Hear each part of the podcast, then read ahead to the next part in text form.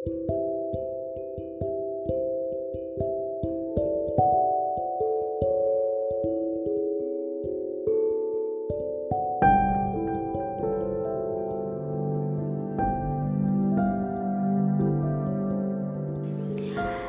guys, Assalamualaikum warahmatullahi wabarakatuh. Bismillahirrahmanirrahim. Uh, Selamat datang di podcast pertama kali ini Hari ini kita akan membahas sesuatu yang sangat-sangat spesial Yang udah lama juga aku tunggu-tunggu uh, Aku bakal bahas ini loh gitu. Ini spesial banget Karena sesuai judulnya Aku akan bahas tentang seputar solawat esensi dari sholat itu sendiri kayak gimana? Apa itu sholawat? Apa hal yang memotivasi aku untuk bersolawat? Apa manfaat yang kita dapatkan baik dari segi duniawi maupun dari segi akhirat. Dan mungkin teman-teman udah sering gitu dengar bahwasannya apa pun yang kita inginkan apa pun hajat yang belum terkabul maka coba deh lakuin dengan selawatan aja gitu. Seperti yang uh, dilakukan oleh ulama-ulama kita juga baik yang berpendapat demikian. Dan ada juga riwayat yang menyatakan dari segi hadis gitu ya nah hadis itu diriwayatkan oleh Imam Muslim yang bunyinya man shalla alaiya salatan wahidatan alaihi biha asyra barang siapa yang bersolat kepadaku sekali saja kata Nabi maka Allah uh, akan bersolawat kepadanya kepada seorang ini 10 kali gitu kan hebat banget gitu. Kita cuman sholawat sekali kita dapat rahmat Allah 10 kali. Nah apalagi teman-teman kalau kita sholawatnya itu dalam jumlah yang lebih banyak. Dalam jumlah 10 kali ke atau 100 kali 1000 kali itu kembali lagi ke kemampuan diri teman-teman.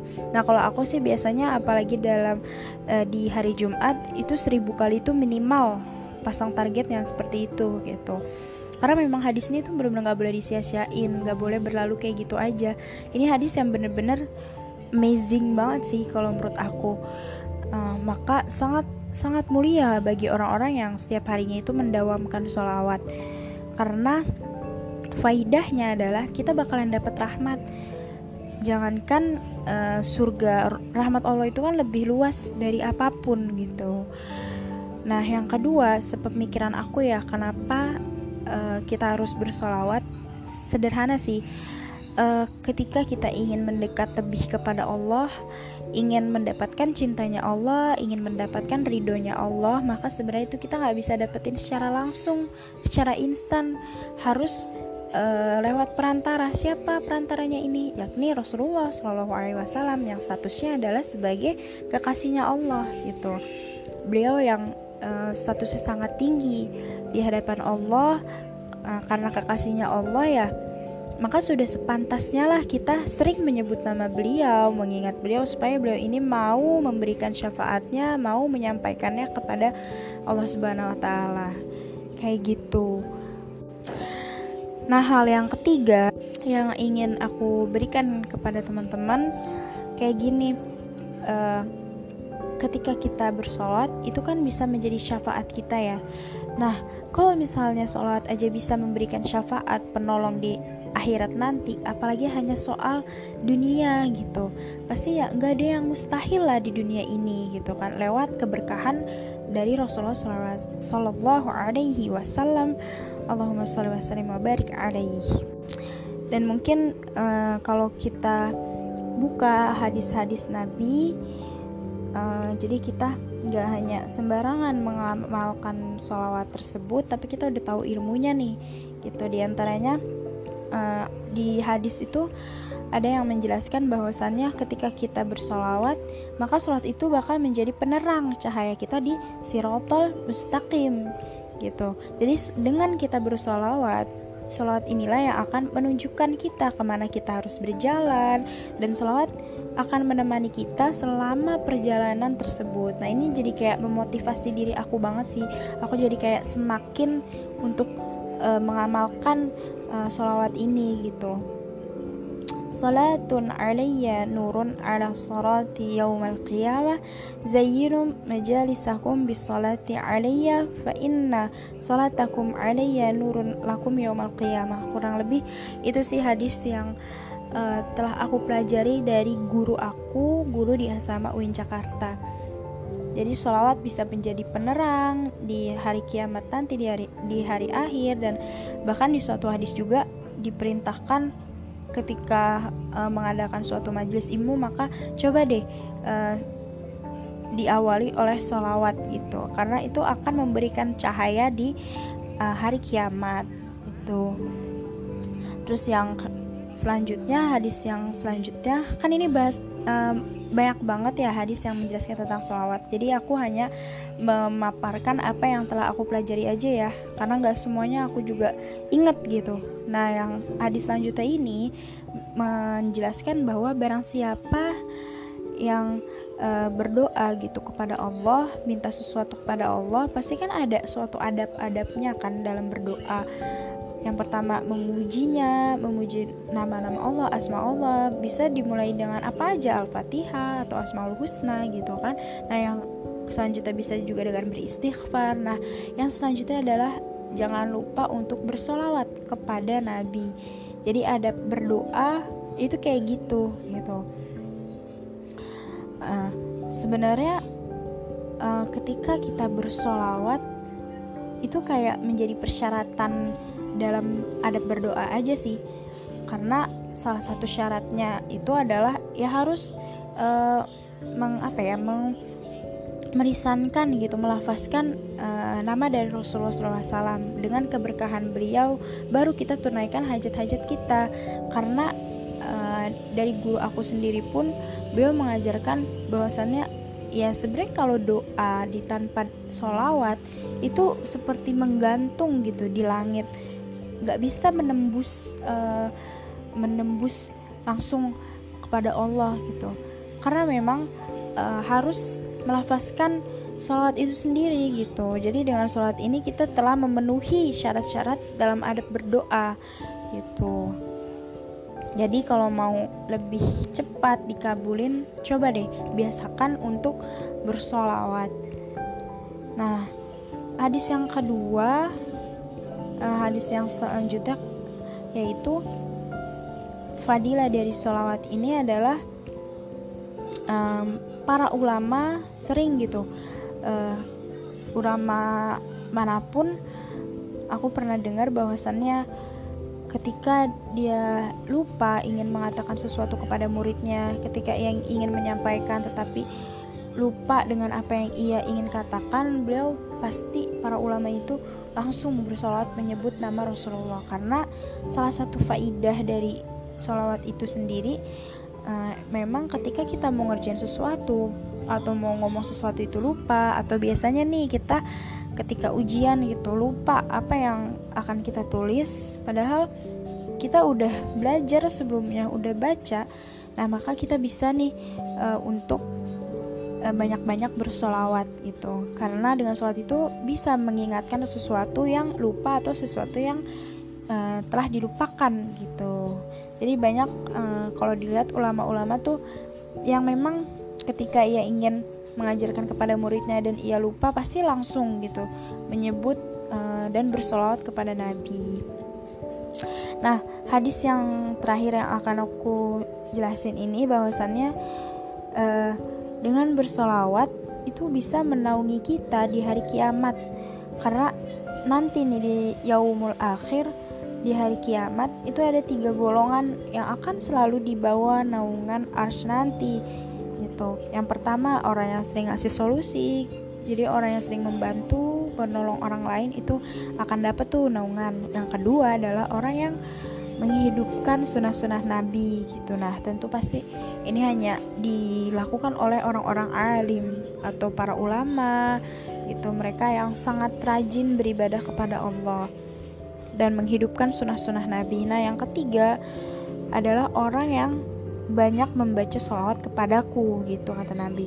Jadi ya dari golongan ketiga ini kalau memang kita nggak bisa mendapatkan yang pertama dan yang kedua paling tidak kita sering melakukan hal yang ketiga itu apa? Bersolawat. Nah dengan bersolawat kita bisa e, mendapatkan naungan di ars nanti gitu.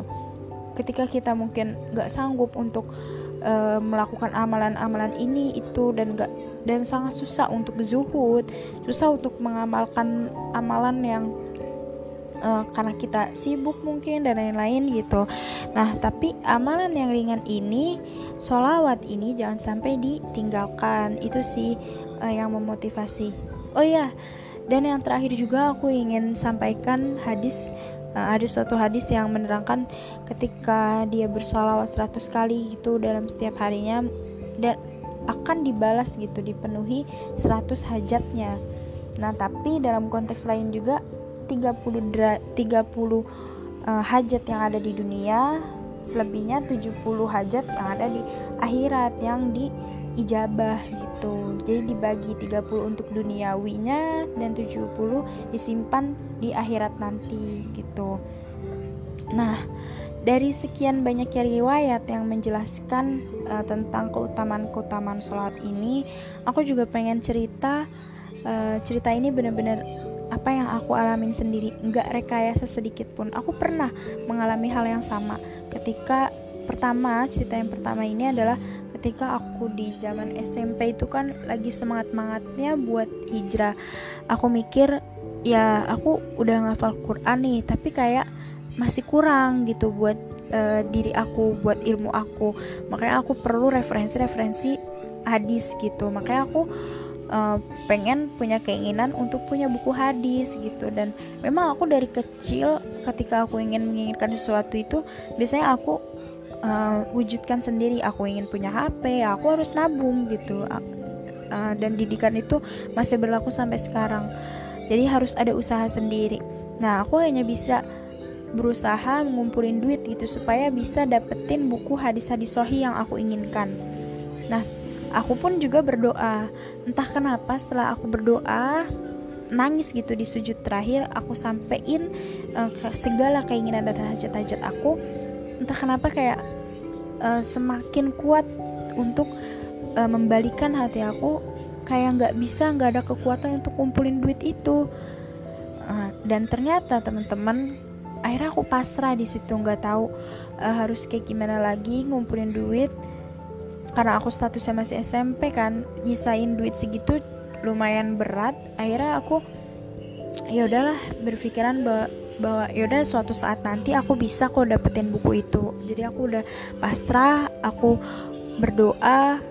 Tapi pada saat itu sholawat aku harapan aku doa aku masih belum putus juga kok. Masih terus aku bilang gitu sama Allah langsung. Nah singkat cerita uh, ketika aku pulang sekolah aku jalan kaki supaya irit ongkos dan ternyata aku ketemu sama teman lama aku. Teman lama dan aku udah kenal baik sih sama beliau. Nah aku ditegur gitu Shiva sini deh. Uh, ini aku pengen ngasih sesuatu buat kamu gitu. Ya sebelumnya sih dia masih basa-basi biasa nanya kabar. Tapi lama kelamaan dia nunjukin uh, ini ada buku buat kamu. Kamu harus baca ya. Oh iya kak. Uh, karena dia lebih tua ya dari aku. Oh iya kak uh, buku apa ya? Terus dia pas aku baca aku lihat buku itu ternyata itu buku yang emang aku inginkan. Itu buku yang emang aku udah incer uh, dari lama. Yakni apa? Buku hadis-hadis sohih. Dan ternyata yang dia unjukin ke aku bukan hanya hadis sohih tapi bener-bener pure uh, spesial hadis fikih wanita. Jadi udah pas banget lah buat diri aku gitu. Terus di situ aku langsung uh, gugup gitu. Aku nggak mungkin juga kan cerita perjuangan aku kalau aku pengen banget punya buku ini gitu. Akhirnya aku cuma bilang oh iya kak makasih ya. Nanti setelah aku Shiva baca nanti Shiva balikin lagi buku itu gitu.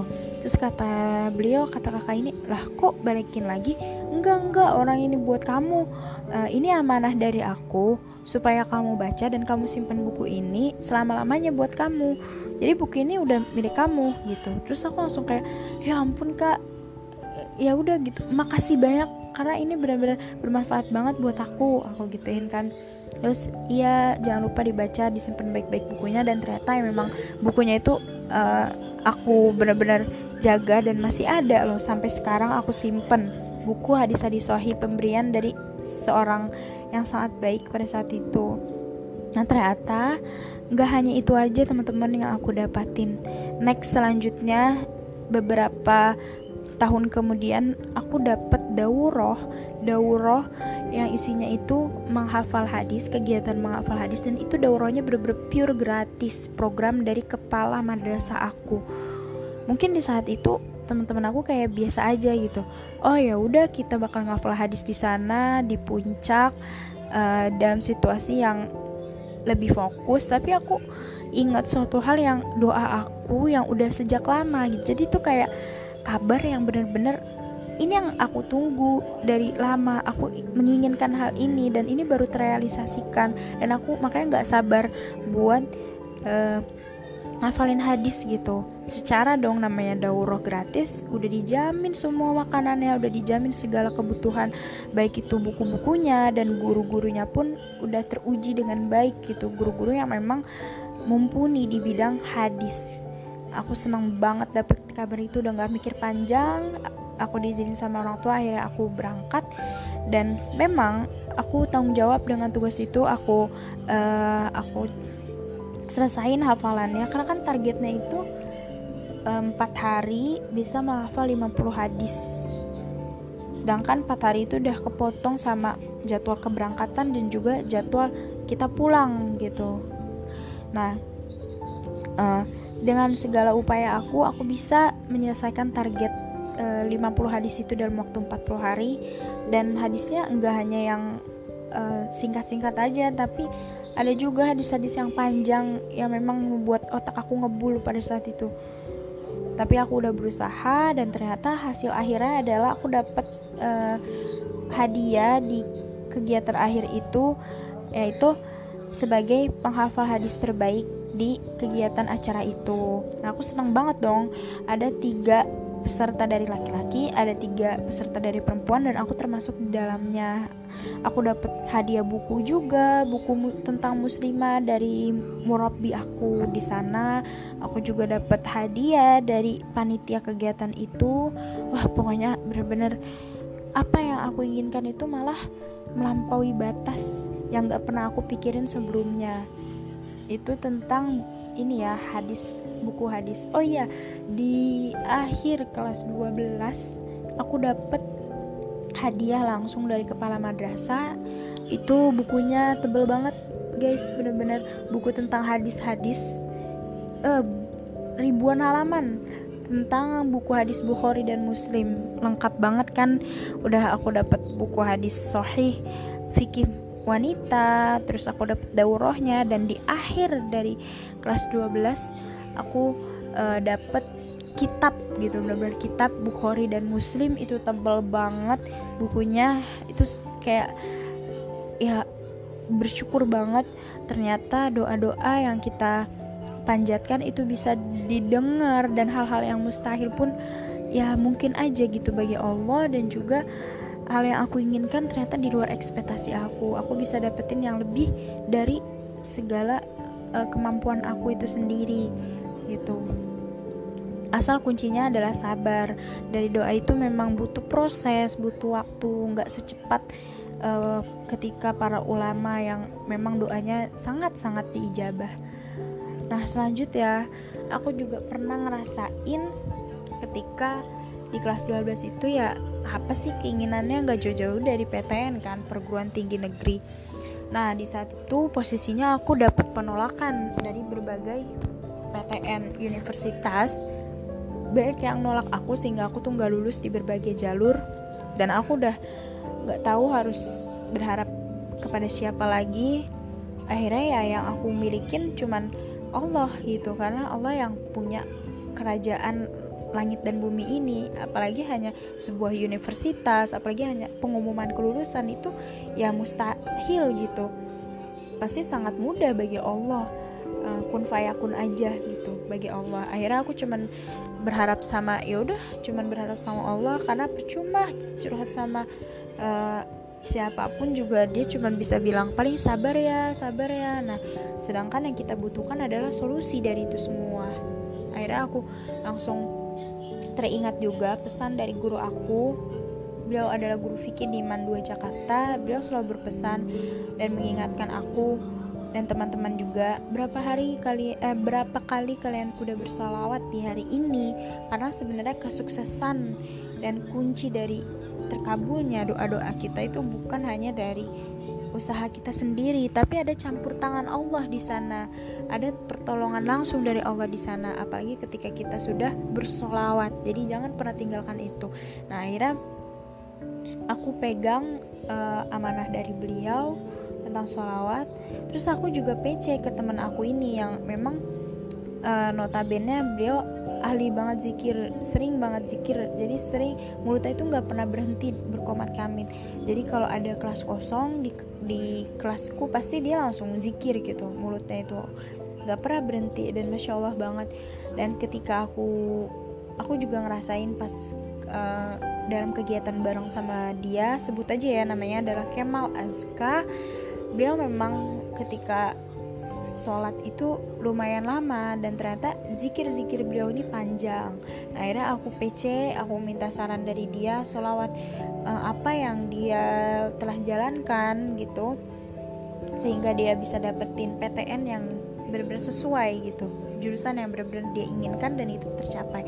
Dan dia mengirimkan aku uh, sebenarnya amalannya itu biasa kan amalan-amalan sunnah. Pokoknya lebih kuatin lah ibadah-ibadah yang berhubungan habluminallahnya dikuatin dan juga uh, solawatnya terus aku bilang ya udah solawat apa mal? Karena aku bilang gitu. Terus kata dia, iya selain istighfar yang dia lakuin, dia juga solawat dan solawat yang di share ke aku itu solawat munjiat.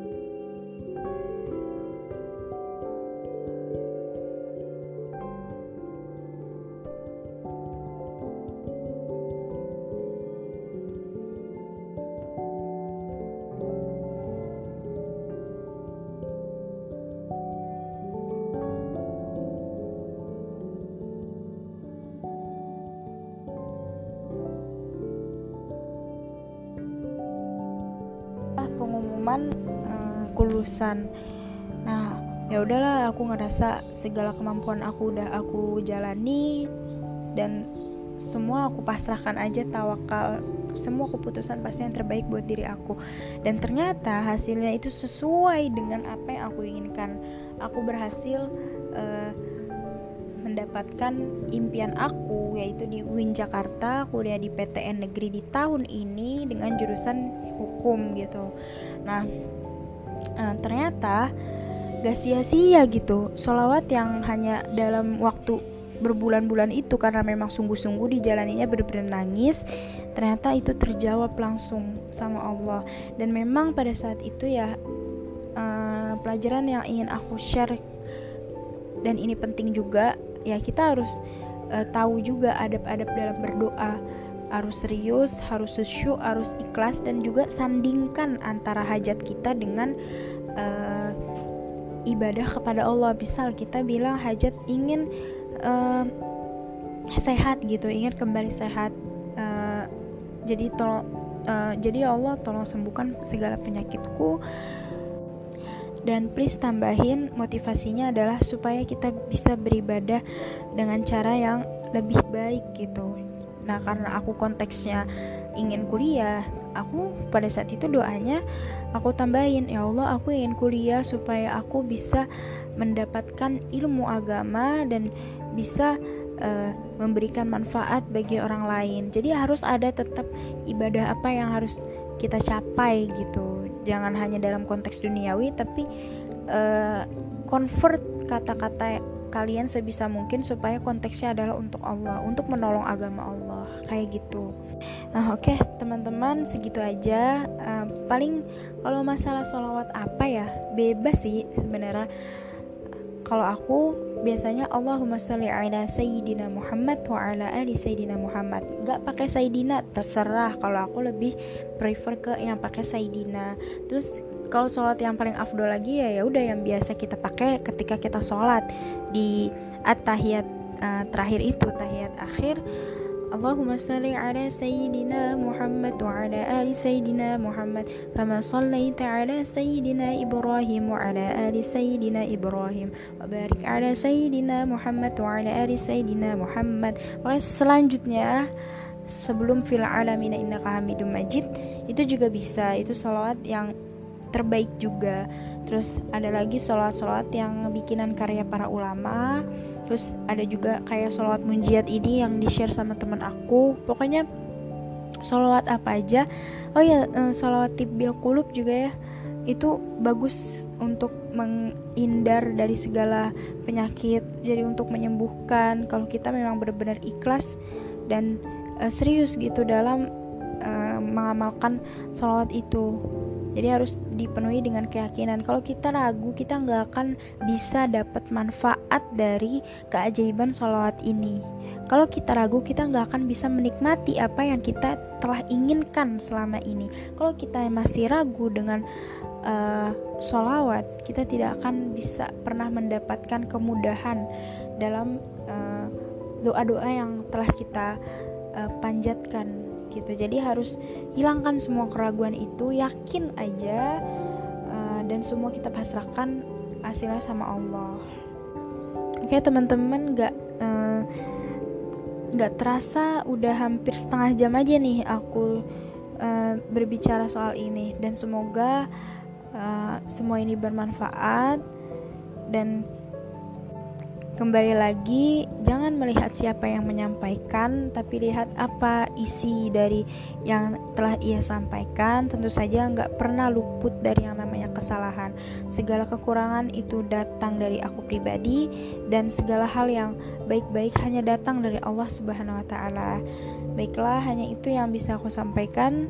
Semoga uh, bermanfaat bagi kalian semua, dan kalau kalian suka, bisa share uh, cerita ini ke teman-teman terdekat kalian yang kalian sayangi. Yaudah segitu aja. Wassalamualaikum warahmatullahi wabarakatuh. Stay tune di podcast selanjutnya. Bye. See you.